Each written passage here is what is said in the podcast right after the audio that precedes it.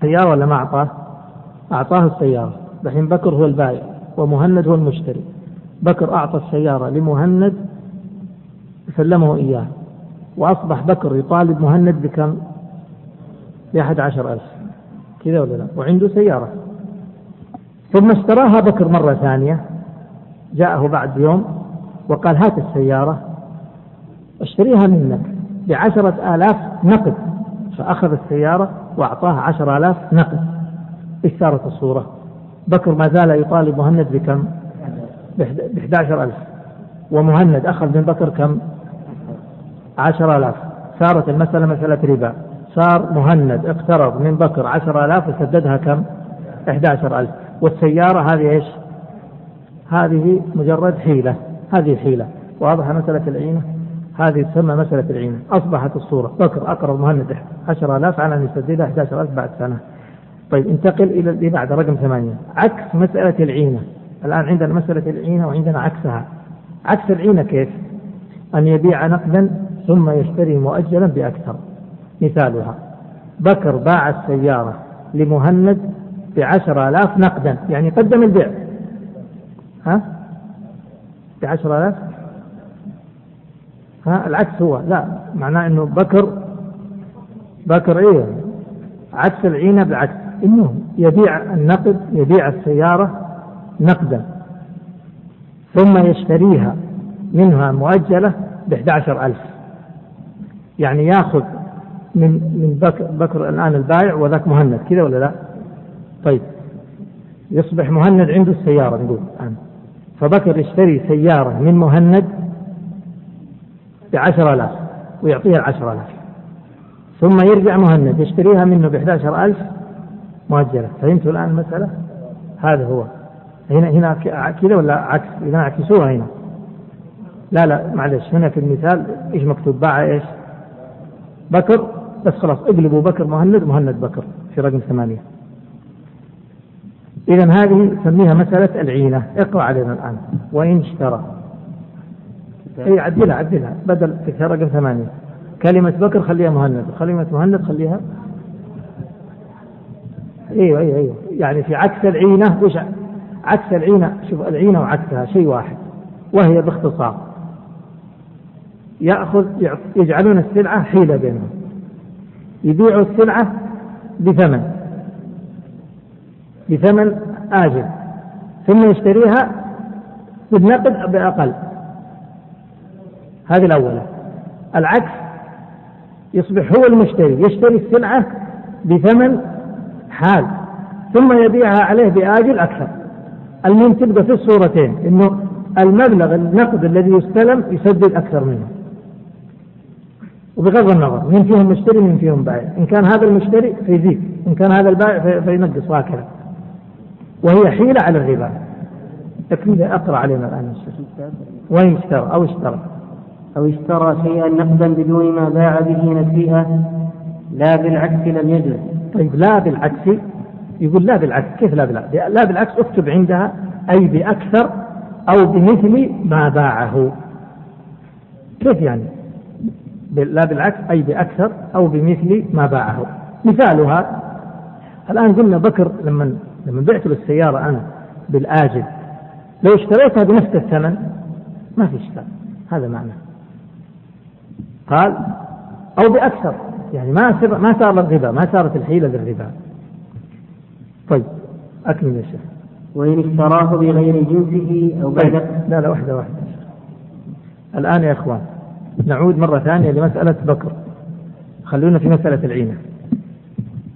الآن بكر في مسألة العينة الأولى. بكر باع السيارة لمهند بكم؟ مؤجلة. ب 11 مؤجلة. ثم اشتراها بكر نقدا بكم؟ بعشرة. هذا صار بعشرة حالة. صارت هذا؟ صارت هذه العينة طيب لو اشتراها ب 11 يجوز ولا ما يجوز؟ يجوز ما صارت فيه طيب هب إنه اشتراها ب 12 يجوز ما صار فيه ربا. طيب هب إنه بكر لما جاء اشتراها ما اشتراها من مهند؟ مهند باعها لشخص ثاني.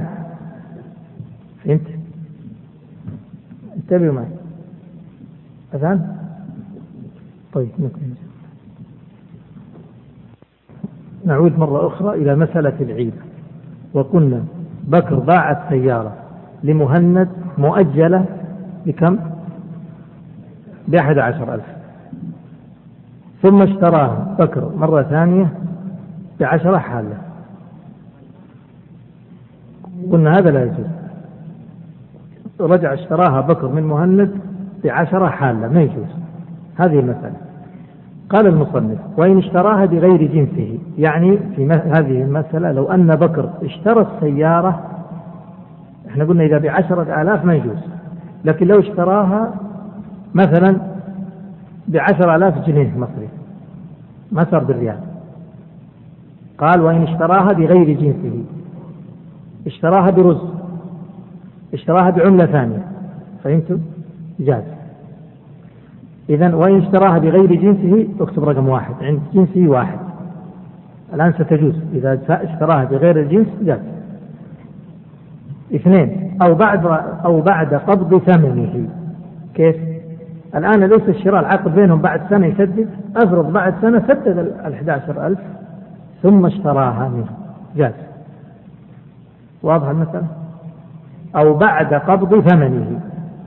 في مسألة بكر الآن راح يشتري إحنا قلنا إذا اشتراها بكر الآن بكر باع السيارة ب 11000 بعد سنة يستلمها منه ولا لا؟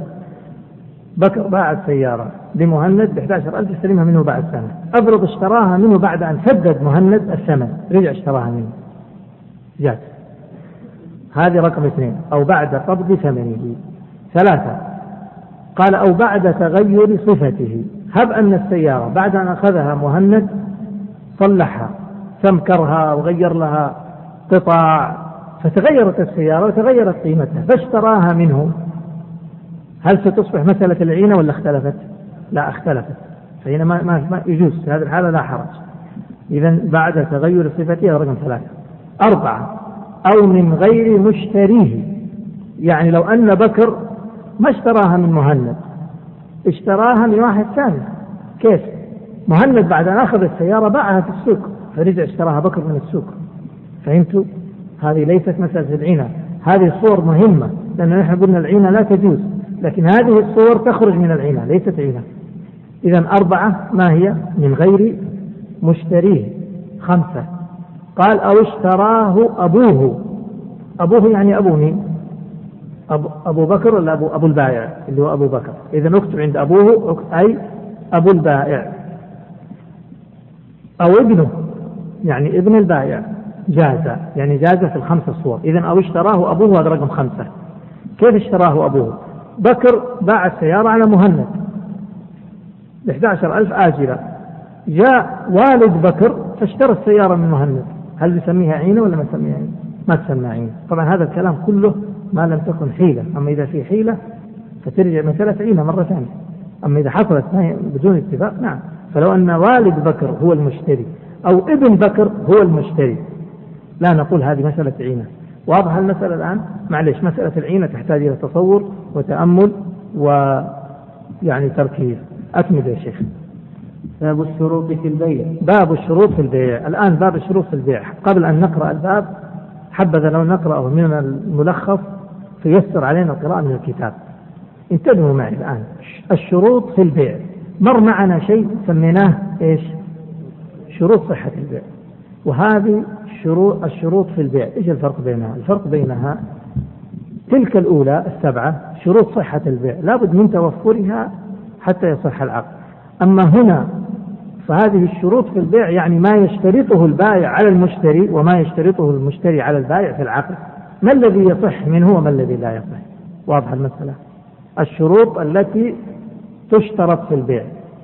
هذه الشروط التي تشترط في البيع تنقسم إلى قسمين منها صحيح ومنها فاسد. الصحيح ثلاثة أنواع. الشروط الصحيحة في البيع ثلاثة والفاسدة ثلاثة. الآن اقرأوا الملخص. آه نقرأ الشروط البيع الملخص الشروط الصحيحة ثلاثة. انتبهوا معي. الأول من الشروط سميناه شرط مقتضى العقد. ما معنى شرط مقتضى العقد؟ يعني شرط يوافق مقتضى العقد. ما الذي يوافق مقتضى العقد؟ السؤال ما هو الذي يقتضيه العقد؟ ألا يقتضي العقد انتقال الملكية من ها البائع للمشتري؟ ألا يقتضي العقد استلام الثمن؟ هذه كلها تحصيل حاصل يعني هذه كلها حاصلة بمقتضى العقد. فلو أن البائع مثلا اشترط على المشتري تسليم الثمن إيش نقول هذا العقد؟ هذا هذا الشرط إيش هو؟ ألا يوافق مقتضى العقد؟ هذا الشرط في الحقيقة ذكره كعدمه ما له فائدة. يعني لو ما قال سلمني الثمن هو يجب عليه تسليم الثمن. لو ما اشترط الثاني مثلا سلمني السلعة. لو اشترط البائع استلام الثمن واشترط المشتري استلام الإيش؟ السلعة. لو اشترطوا الشرطين هذه هذه الشروط نسميها شروط موافقة لمقتضى العقد وهذه الشروط ذكرها كعدمها ولذلك كثير من الفقهاء ما يذكرها أصلا لأن لا داعي لها. بمجرد أن يحصل العقد يجب تسليم السلعة ويجب تسليم الثمن. انتهينا من الأول انتقل للثاني. هذا الشرط الأول لو افترضنا أن البائع اشترطه صحيح ولا غير صحيح؟ صحيح. الثاني شرط لمصلحة العقد. كيف شرط لمصلحة العقد؟ يعني يشترط أحدهما شرطا لمصلحة العقد كأن يشترط الرهن مثلا أفرض البيع بالأجل. فاشترط البائع قال الثمن أبغى الثمن قال الثمن بعد سنة. قال أريد رهنا. اشترط الآن في العقد إيش؟ رهن. اشتراط الرهن. نسميه نقول هذا شرط لمصلحة العقد. واضح يا إخوان؟ يصح ولا ما يصح؟ تصح. هذا النوع من الشروط يصح. مثاله مثل اشتراط الرهن ومثل اشتراط تأجيل الثمن ومثل اشتراط صفة معينة في السلعة كما لو اشترط أن يكون العبد مسلم. يقول بشتري منك العبد الفلاني بس بشرط يطلع مسلم لا يطلع كافر. كل هذه الشروط نسميها شروط لمصلحة العقد وهي صحيحة. وأمثلتها كثيرة. الثالث الصحيح الشرط الثالث الصحيح قال شرط منفعة معلومة في المبيع. كيف شرط منفعة معلومة؟ مثاله قال كسكن الدار. يعني قال أبيعك الدار بمبلغ كذا واشترط عليه أن يسكنها يعني البائع سنة كاملة ثم يسلمها. هذا شرط منفعة معلومة في ليش في المبيع. يجوز هذا؟ نعم هذا صحيح. قالوا مثل آه، حديث جابر. جمل جابر لما اشتراه النبي صلى الله عليه وسلم واشترط حملانه حمله. إذا مثاله أيضا كسكن الدار قالوا خياطة الثوب. يمكن أن أشتري ثوب قماش يعني الثوب هو القماش. يمكن أشتري قماش من الشخص وأشترط عليه. أقول أشتري منك هذا القماش ب 100 ريال بشرط تخيط لي. هذا الشرط نسميه شرط منفعة معلومة. طيب هل هو صحيح ولا غير صحيح؟ المذهب يقول صحيح بشرط. لا يجمع أكثر من شرطين. من هذا النوع الأخير. يعني لا يشترط مثلا خياطته وحمله ونقله لا يشترط واحد فقط شرط واحد. يا يقول خياطته يا يقول حمله يقول سكن الدار فقط. يعني لا يعدد ولا يكثر من شرط يزيد عن شرط واحد. انتهينا من الشروط الصحيحة؟ إذا الشروط الصحيحة أريدكم تحفظوها الآن. ثلاثة. شرط مقتضى العقد مثل تسليم السلعة والثمن. شرط لمصلحة العقد مثل تأجيل الثمن مثل الرهن لأنه لأنه الآن تأجيل الثمن. ألا يتفق عليه الآن اللي يبيع بالدين؟ ما يحصل اتفاق ولا لا؟ هذا الاتفاق أليس هو شرط؟ الاتفاق هذا الحقيقة شرط. يقول له تبيعني السيارة بس أسدد لك بعد سنة. هذا شرط. اشترط إيش؟ اشترط تأجيل الثمن. طيب. الثالث هو شرط منفعة معلومة في السلعة أو في المبيع وهذا يقولون صحيح بشرط أن يكون شرطا واحدا لا يزيد. ننتقل للشروط الفاسدة. الشروط الفاسدة ثلاثة أيضا. الأول منها شرط عقد آخر. كيف شرط عقد آخر؟ يعني يقول له أبيعك السلعة بشرط أن تبيعني سلعة أخرى أو أبيعك السلعة بشرط أن تؤجر علي الدار الفلانية أو أبيعك السلعة بشرط أن تقرضني مبلغ معين يعني يشترط عليه أن يعقد معه عقد آخر. واضح المسألة؟ طيب لو اشترط عقدا آخر ما المشكلة؟ إيش اللي يحصل؟ هذا الشرط صحيح ولا مو صحيح؟ ها؟ لا لا صحيح ولا فاسد؟ فاسد هو فاسد. كل الشروط التي ستأتي الآن الثلاثة فاسدة. لكن هذه السلوك الفاسدة بعضها فاسدة وتفسد العقد وبعضها فاسدة ولا تفسد يعني العقد صحيح وهي فاسدة. وبعضها تفسد وتفسد غيرها. إذا هذا الشرط الأول. قلنا فاسد لكن إيش حكمه بالنسبة للعقد يبطل العقد إذا شرط عليه عقد ثاني يقول العقد الثاني فاسد والأول فاسد كلها فاسد طيب. الثاني. الشرط الثاني شرط ينافي مقتضى العقد. إيش يعني شرط ينافي مقتضى العقد؟ يقول مقتضى العقد الذي يقتضيه العقد إني أنا أملك السلعة فأتصرف فيها كما شئت أليس كذلك؟ لو قلت لك أبيعك السيارة بشرط ما تركب ما تركب فيها فلان هذا إيش؟ هذا تحكم ولا لا؟ هذا ينافي ملكيتك طيب أبيعك السيارة بشرط ما تبيعها هذا ينافي إيش؟ ملكك له أبيعك السيارة بشرط ما تأجرها أبيعك السيارة بشرط ما تبيعها ما ما تعيرها لأحد هذه كلها شروط تنافي الملك.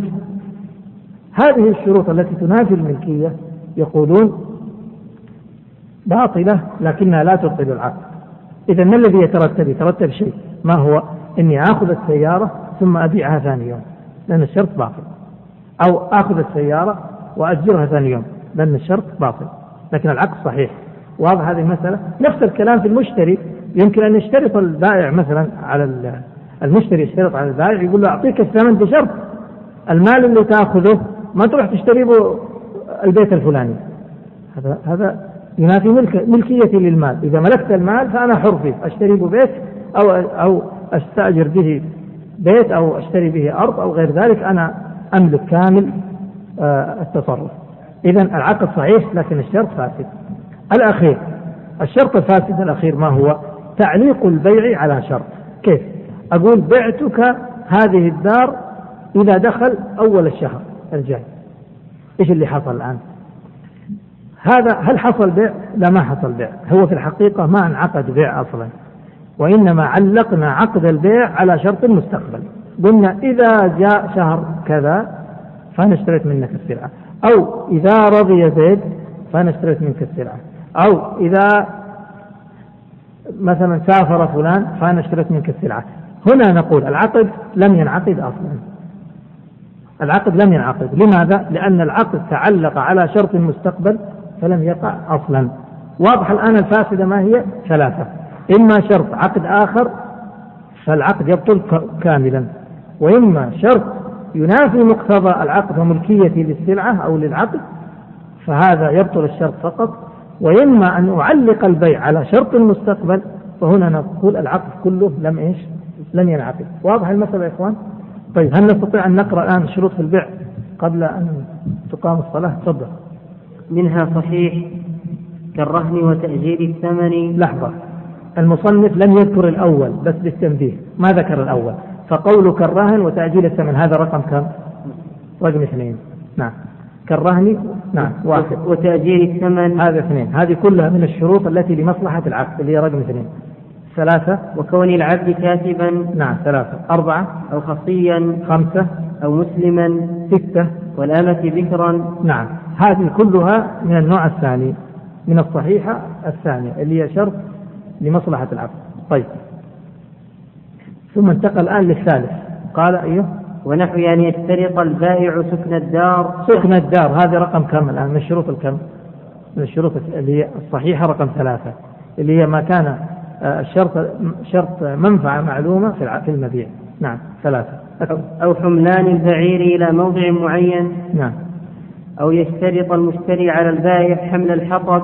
نعم. أو تكسيره وخياطة الثوب. أو نعم. تفصيله. نعم. وإن جمع بين شرطين بطل البيع. قف. وإن جمع بين شرطين بطل البيع في إيش؟ في الأول ولا في الثاني ولا في الثالث؟ يتكلم عن الثالث فقط. اكتب عندها. وعنه يعني عن الإمام أحمد يصح يصح. يعني ولو جمع بين شرطين أو ثلاثة وهذا هو الصحيح. هذا الصحيح. والمذهب يقولون لا يصح. والرواية الثانية في المذهب أنه يصح. وعلى الرواية الأولى وهي عدم الصحة يستدلون بحديث ولا شرطان في بيع. والصحيح أنه لا شرطان في بيع ما تفسر بهذا التفسير. فيصح أن يشترط شرطين ويشترط ثلاثة ويشترط أربعة لا حرج. يقول أشتري منك القماش على أن تفصله وتخيطه وتنقله إلى البيت. ما لا حرج في ذلك. وهذه الرواية الثانية وهي الأصح والله أعلم. أكمل يا شيخ. ومنها فاسد يبطل العقد. الآن انتقل إلى النوع الثاني وهو الفاسد. والفاسد قلنا ثلاثة. واحد يبطل العقد والثاني يبطل هو فقط ولا يبطل العقد. والثالث لا يقع معه عقد أصلا. لا يقع معه العقد. الآن بدأ برقم واحد هذا الأول اللي يبطل العقد أكمل قال ومنها دعني أنا أقرأ. قال ومنها فاسد يبطل العقد. هذا رقم واحد. كاشتراط أحدهما على الآخر عقدا آخر. كسلف. يعني يشتري منه ويشترط عليه السلف. أبيعك بس تسلفني وقرض. أبيعك بس تقرضني. وبيع. أبيعك لكن تبيعني. إجارة أبيعك لكن تؤجر لي. وصرف. أبيعك لكن تصرف لي هذا المبلغ. هذه كلها أمثلة للعقد الآخر. قال وإن شرط أن لا خسارة عليه هذا رقم اثنين. اللي هو إيش؟ شرط إيش؟ ينافي مقتضى العقد. يقول وإن شرط أن لا خسارة عليه. يعني أشتري منه بشرط ما أخسر. لو خسرت أنت تتحمل الخسارة. هذا ينافي ملكيتي ولا ما ينافي؟ ينافي. أنت اللي تملك السلعة أنت اللي تتحمل الخسارة مش أنا اللي أتحمل الخسارة. وإن شرط لا خسارة عليه. أو متى نفق المبيع أو وإلا رده. نفق يعني راج. يعني إن راج المبيع ومشي وانباع راجع راجع راجع يعني تروج يعني مشي في السوق بسرعة. متى نفق المبيع صرف المبيع وإلا رده. وإلا رد عليك. ترى هذه السلعة لو كسدت في السوق أردها. يقول هذا ينافي ملكيتك لها. هذه السلعة ملكك. إن كسدت فهي عليك وإن راجت فهي لك. أو لا يبيع. ولا يهب ولا يعتقه. واضح يا إخوان؟ كل هذه أمثلة لإيش؟ للثاني الذي ينافي مقتضى العقد طيب أو إن إن أعتق فالولاء له. يعني ابيعك العبد لكن إذا اعتقت العبد فولاؤه لي أنا. نقول هذا العقد الشرط باطل. أو أن يفعل ذلك. يعني شرط عليه العكس. شرط عليه أن يبيع. أبيعك بشرط تبيع أبيعك بشرط تهب. أبيعك بشرط تعتق. هذه الشروط تنافي الملكية. فهمت؟ إذا اشتريت أنا ما تشرط علي أني أبيع ولا ما أبيع. إذا هذا من الشرط الثاني. أو أن يفعل ذلك. قال المصنف بطل الشرط وحده. ثم قال إلا إذا شرط العقد عتق إلا إذا شرط العتق يعني المذهب استثنوا مسألة واحدة. يقول إذا شرط عليه العتق هي هذه اللي يجوز وهي مسألة خلاف وعنه حتى شرط العتق لا يصح.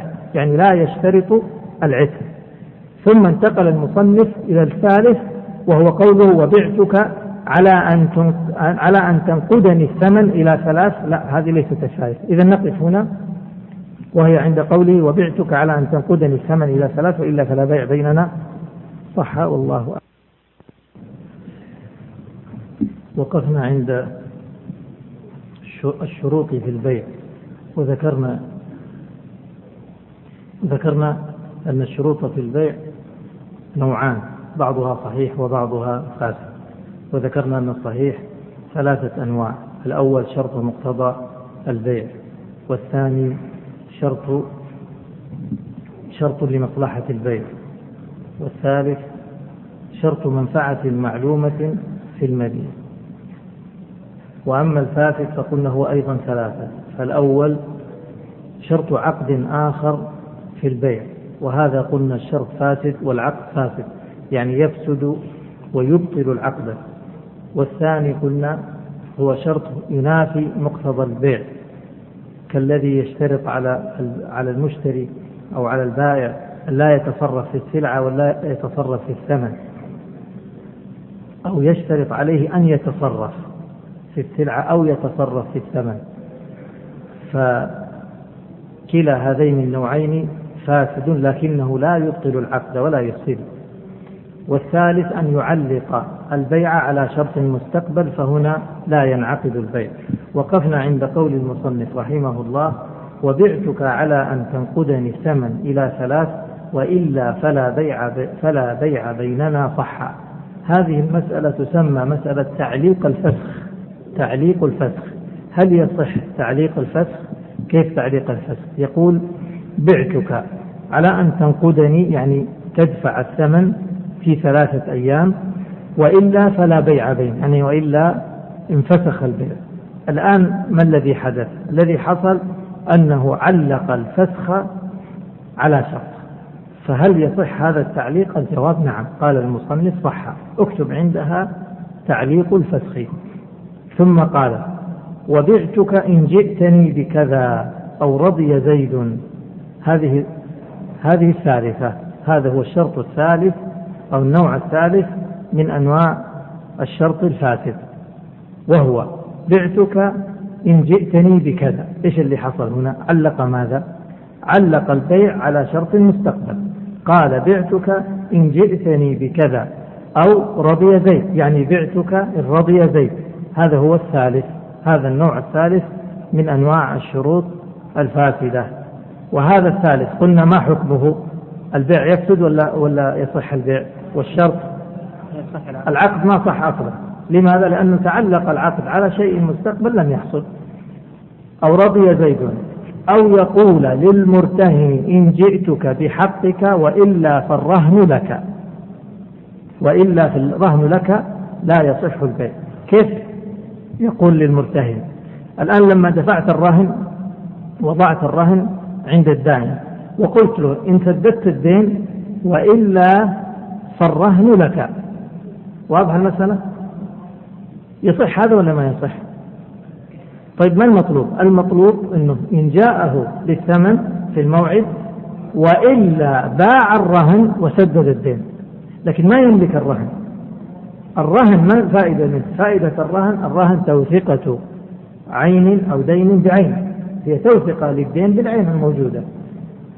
تباع هذه العين ويسدد منها لكن ما تملك العين نفسها. ما تقول لشخص خلي الساعة عندي رهن. فإن جبت المئة ريال وإلا ملكت الساعة. لا إن جبت المئة ريال وإلا بعت الساعة وسددت الدين. طيب بعت الساعة.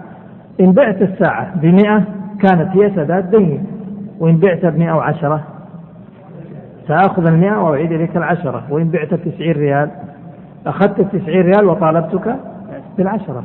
هذا هو. لكن لو قلت إن جئتك بالدين وإلا فالساعة لك الرهن لك إيش اللي حصل؟ حصل تعليق البيع على أمر المستقبل. لأنه كيف تنتقل هذه الساعة ملكية هذه الساعة؟ كيف تنتقل مني إليك؟ بأي عقد حصل؟ بأي, حصل بأي عقد انتقلت الآن؟ هل قولي إن جئتك بالدين وإلا فالرهن لك أليس هذا تعليق للبيع؟ كأني أقول إن جاء يوم كذا وحصل كذا وكذا فأنا بعتك الساعة. أليس كذلك؟ إذا هذا من تعليق البيع. فلا يصح قال وإن باعه وشرط البراءة من كل عيب مجهول لم يبرأ. باعه وشرط البراءة قال له أشرط عليك. أنا بريء من كل عيب يظهر في هذه السلعة مجهول لا نعرفه.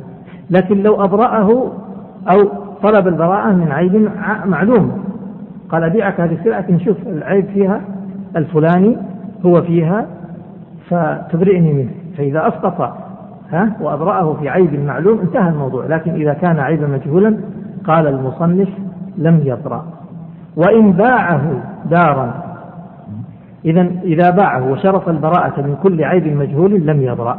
وعنه يبرأ إلا إذا علمه البائع وكتمه.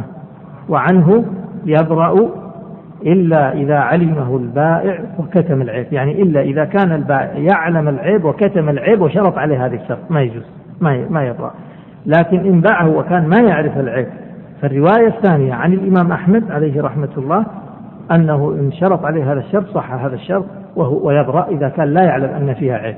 فيقول له هذه السلعة أمامك. أنا لا أعلم فيها عيب. لكن إن ظهر فيها عيب فأنا غير مسؤول. على كلام المصنف على الرواية الأولى في المذهب أنه لا يبرأ والرواية الثانية يبرأ لكن بشرط أن لا يكون البائع عالما بالعيب وكاتما له. قال المصنف وإن باعه دار على أنها عشرة أذرع فبانت أكثر أو أقل صح يعني البيع. باعه الدار على أنها عشرة أذرع أو عشرة أمتار فبانت أكثر بانت أحد عشر متر أو أقل بانت تسعة أمتار مثلا. قال صح يعني صح البيع.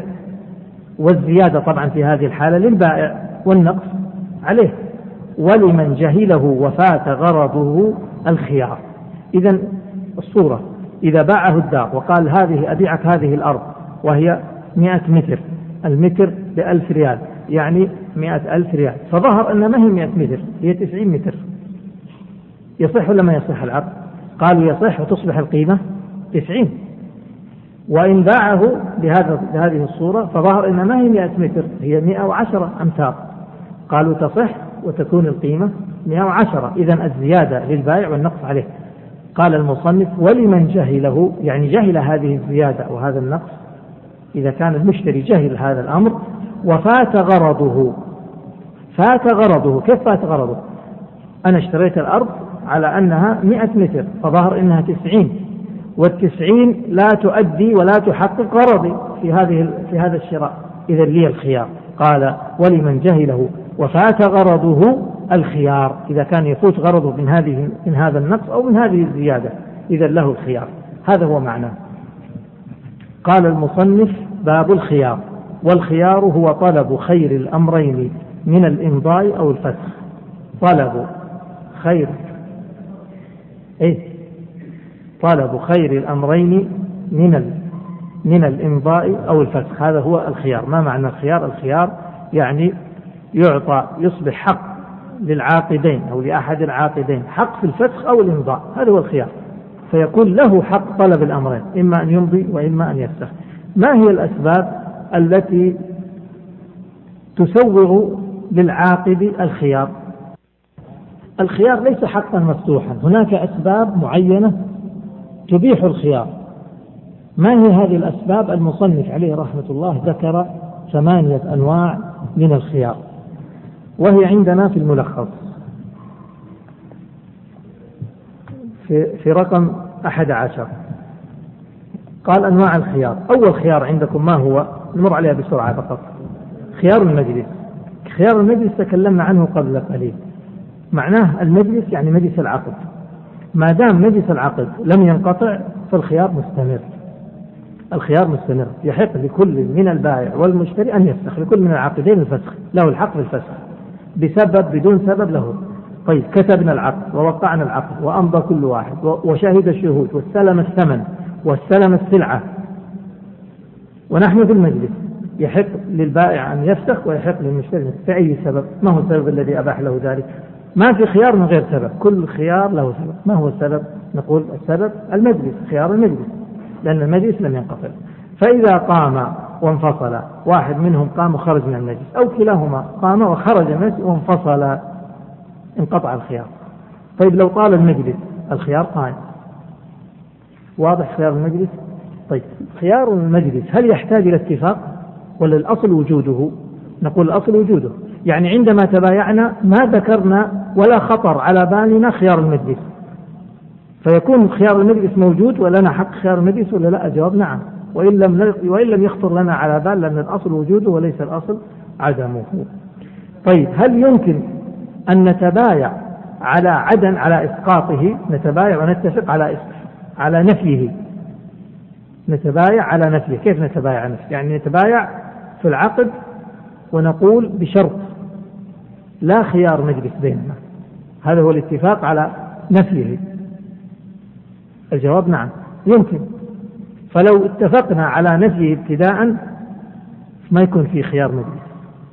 طيب ما الذي يكون؟ تبايعنا واتفقنا على نفي الخيار.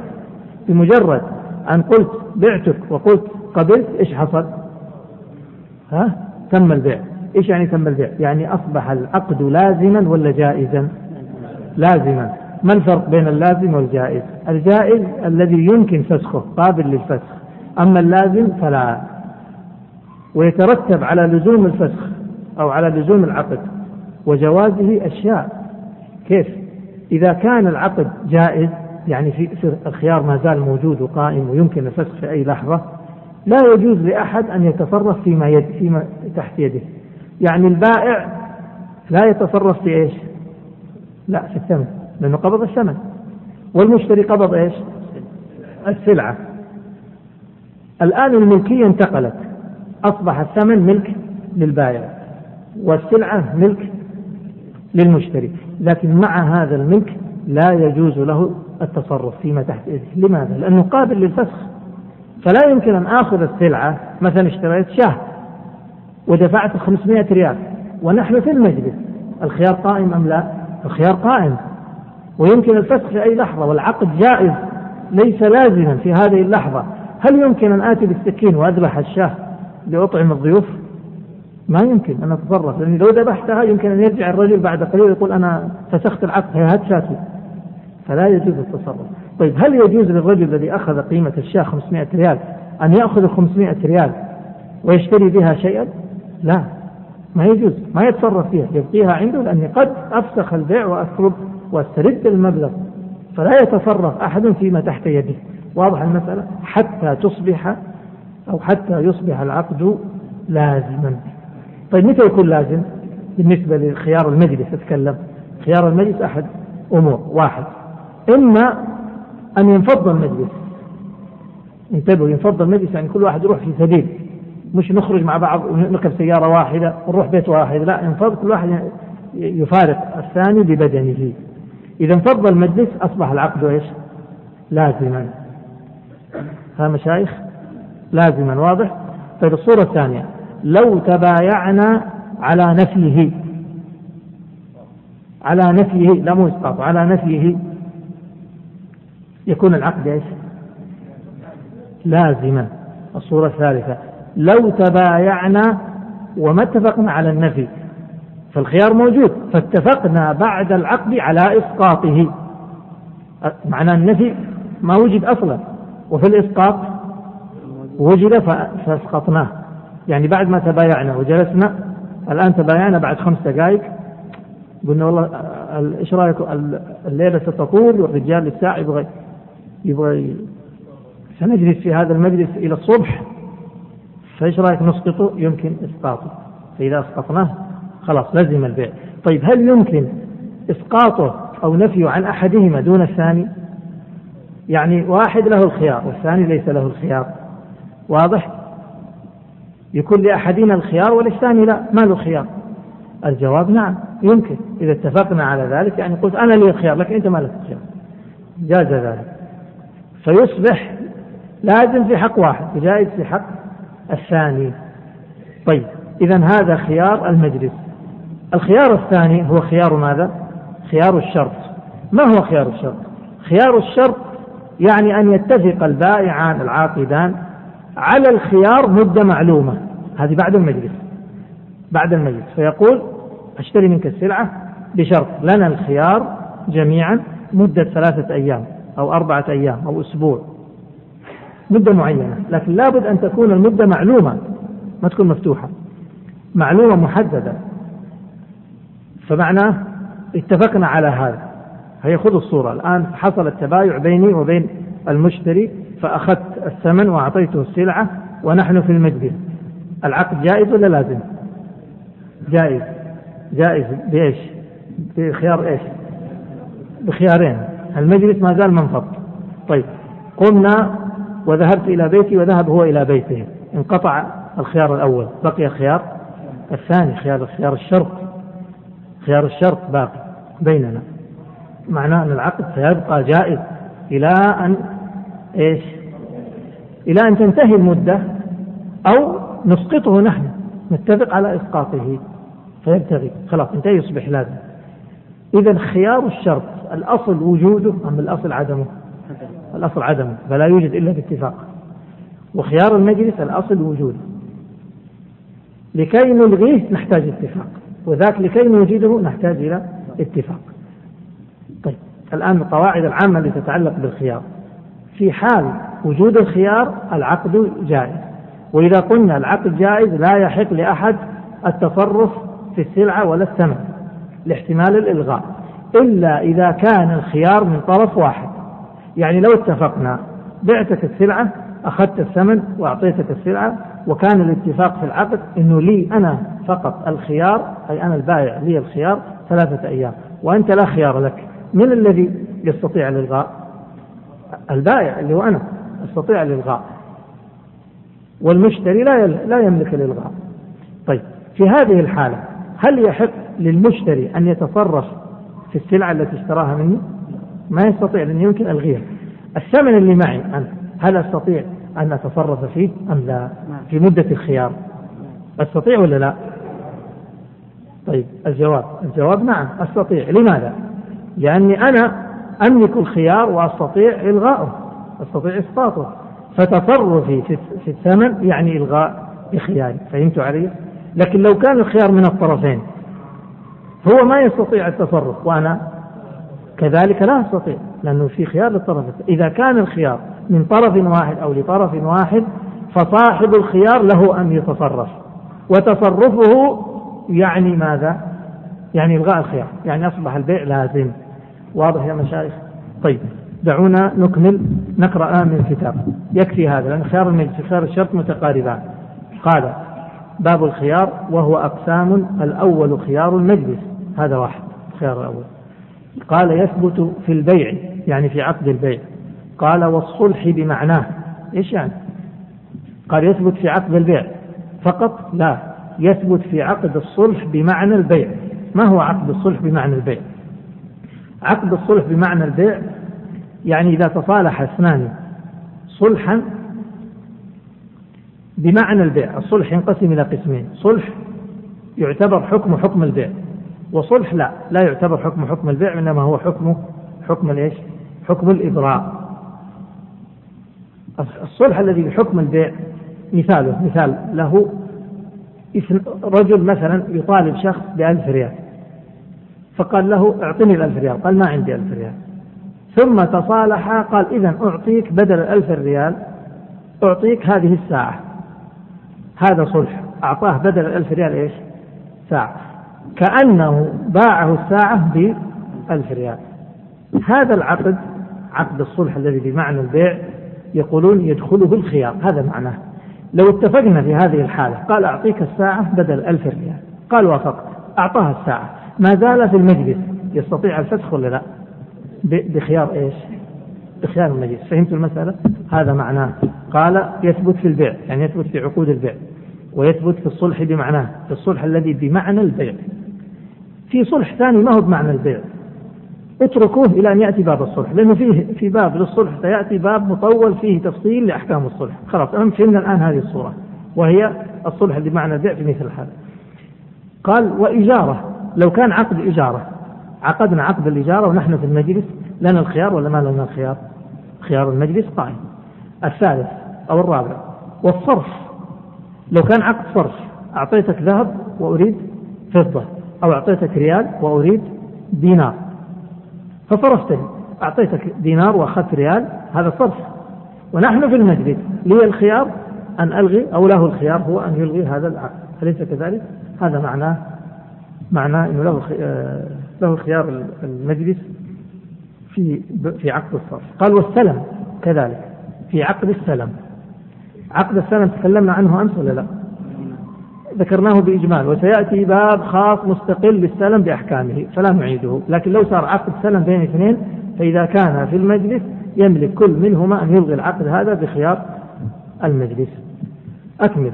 قال قال والصرف والسلم دون سائر العقود. دون سائر يعني دون العقود الأخرى. ويريد بذلك العقود الأخرى التي ليس فيها عوض اللي ما يدخلها العوض زي عقد نكاح. مثلا عقد النكاح الآن قال زوجتك ابنتي؟ قال قبلت. له خيار المجلس يقول بطلنا خذ المرأة خذها لك خلاص فهمتوا؟ لا. هل يدخل خيار المجلس في عقد النكاح؟ الجواب إيش؟ لا لأن هذا ما عقد معاوضة مش عقد بيع وشراء فلا يدخله. معناه هذا الرجل الذي عقد عقد النكاح إذا ما أراد مرأة يطلقها لكن لا يستطيع أن يفسخ بخيار المجلس. هذا معناه. قال دون سائر العقود. ولكل من المتبايعين الخيار ما لم يتفرقا عرفا بأبدانهما. ما لم يتفرقا بأبدانهما. والتفرق بالأبدان عرفي. كل ما يعتبر في العرف تفرق فهو تفرق. فإذا كانوا في غرفة واحدة لا يعتبر هذا عرفا تفرق. لكن لو كانوا في صحراء وذهب أحدهم إلى منطقة بعيدة والثاني في مكان آخر بما يعتبر في عرف الناس أنه افتراق خلاص هذا افتراق. قال وإن نفياه نفياه يعني إيش؟ يعني عقد العقد على عدم خيار المجلس. هذا النفي. يعني ما حصل أصلا من أصل العقد. وإن نفياه هذا واحد. واحد. اكتب عنده واحد. أو أسقطاه اثنين. أسقطاه يعني إيش؟ بعد أن تعاقد سووا العقد اتفقا على أن يسقطا خيار المجلس. لأنه بعد ما عقدوا العقد قال لهم الرجل مثلا صاحب المكتب قال تجلسوا عندي تتعشوا وما تنصرفوا إلا في آخر الليل. فقالوا إذا نسقطه حتى لا إيش لا يفسخه أحد منا. أسقطاه معناه بعد بعد إيش بعد العقد. ثلاثة وإن أسقطه أحدهما بقي الخيار للآخر. هذا رقم ثلاثة. يمكن أن يكون الخيار لأحدهما دون الثاني.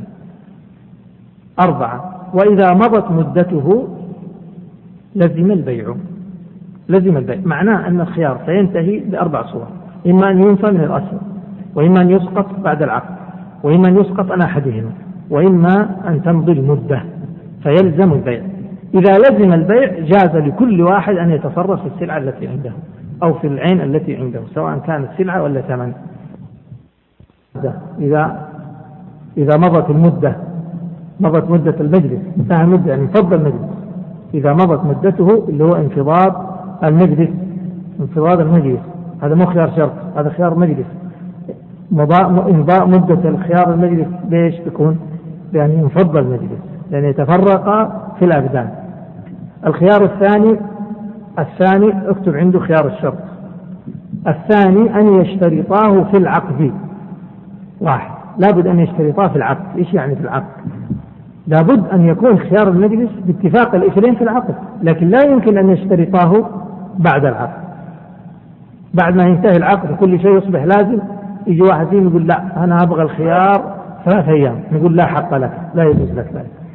قال في العقد مدة معلومة يعني لا تكون المدة في خيار المجلس في خيار الشرط لا تكون المدة مجهولة. ما يقول لنا الخيار؟ يعني عدة أيام ما يجوز ما في عدة أيام لابد بضعة شهور لا لابد أن تكون. إلى أن يأتي فلان من السفر إلى أن أقرر السفر لا يجوز ذلك. طيب. قال مدة معلومة ولو طويلة وابتداؤها من العقد. إذا اشترط ثلاثة أيام متى تبدأ ثلاثة الأيام؟ من العقد من أول العقد. قال وإذا مضت مدته هذا واحد أو قطعاه هذا اثنين بطل يعني الشرط. معناه متى يصبح العقد لازما إذا كان في خيار شرط لمدة ثلاثة أيام؟ بطريقتين. إما أن تنتهي الثلاثة الأيام وإما أن يتفق قبل ذلك على قطعه. انتهينا. قال المصنف ويثبت يعني خيار الشرط في البيع. هذا واحد. والصلح بمعناه. هذا اثنين. عرفنا الصلح بمعناه. يعني لما قال له الساعة أعطيك الساعة بدل الألف ريال قال طيب لكن لي الخيار ثلاثة أيام. يجوز ولا ما يجوز؟ يجوز ذلك. والصلح بمعناه. قال والإجارة هذا رقم ثلاثة انتبهوا والإجارة كيف الإجارة؟ استأجر منك البيت لمدة سنة بعشرة آلاف ريال ولي الخيار أسبوع يجوز هذا ولا ما يجوز؟ ها في إشكال ولا ما في؟ في إشكال وش هو الإشكال؟ طيب لما تقول لي الخيار لمدة كم؟ كم قلت أنا؟ أسبوع لي الخيار لمدة أسبوع يعني بعد أسبوع ممكن تلغي تقول بطلت والأسبوع هذا اللي سكنت في البيت وش يصير فيه؟ فهمت المسألة؟ في إشكال يقولون نعم يمكن بشرط إذا كان قبل استلام العين فهمت؟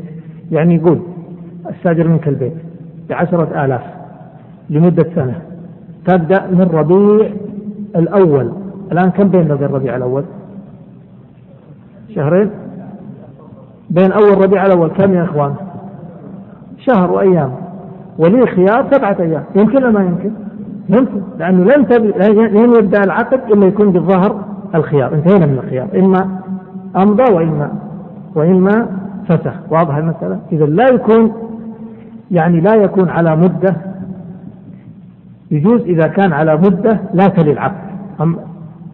يعني في فاصل بين المدة وبين العقد. ما يبدأ زمن الإجارة. قبل أن تبدأ يبدأ وقت الإجارة نعم. أما أن يدخل وقت الخيار أو زمن الخيار في زمن الإجارة فلا. واضح المسألة؟ قال المصنف. والإجارة قال في الذمة. والإجارة في الذمة. إيش الإجارة في الذمة؟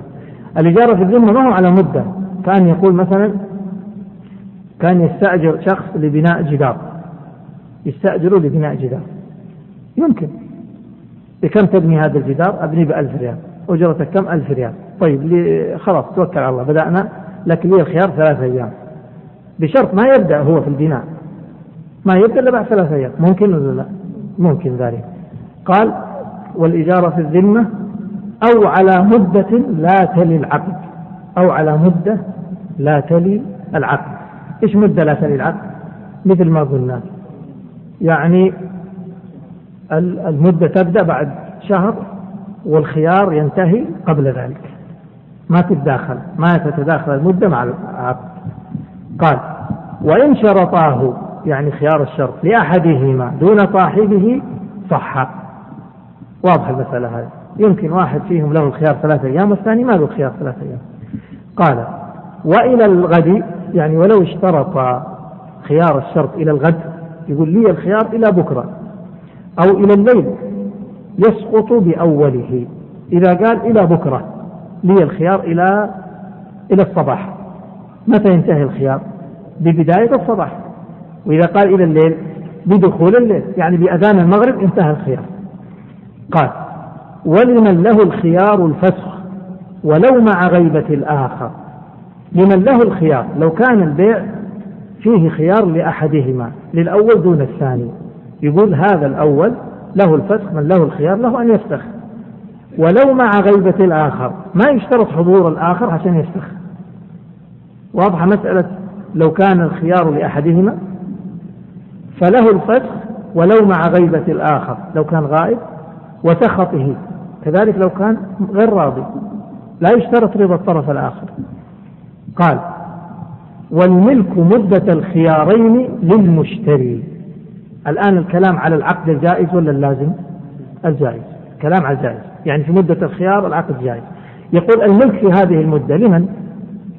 الملك الملك في مدة الخيارين أي خيار المجلس وخيار الشرط للمشتري.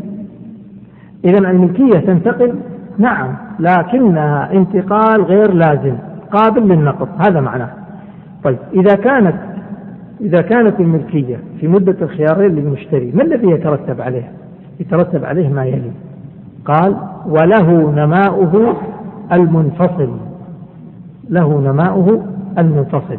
لو أنه اشترى شاة مثلا وقال لي الخيار أو لنا الخيار لمدة أسبوع في هذا الأسبوع نتجت الشاة ولدت الشاة. هذا النتاج لمن؟ للمشتري. لأن الشاة في هذا الزمن لمن؟ للمشتري مش للبائع. إذا حصل إلغاء للبيع ورجعت الشاه للبائع. هل تعود هذه هذا النتاج أو هذا الولد؟ ما يعود واضح المسألة. قال له نماؤه المنفصل. قال وكسبه كسبه. أفرض أنه هذه السلعة التي اشتراها كان لها إيجار تدخل إيجار مثلا أو آه تؤجر أو عبد يشتغل ويكسب.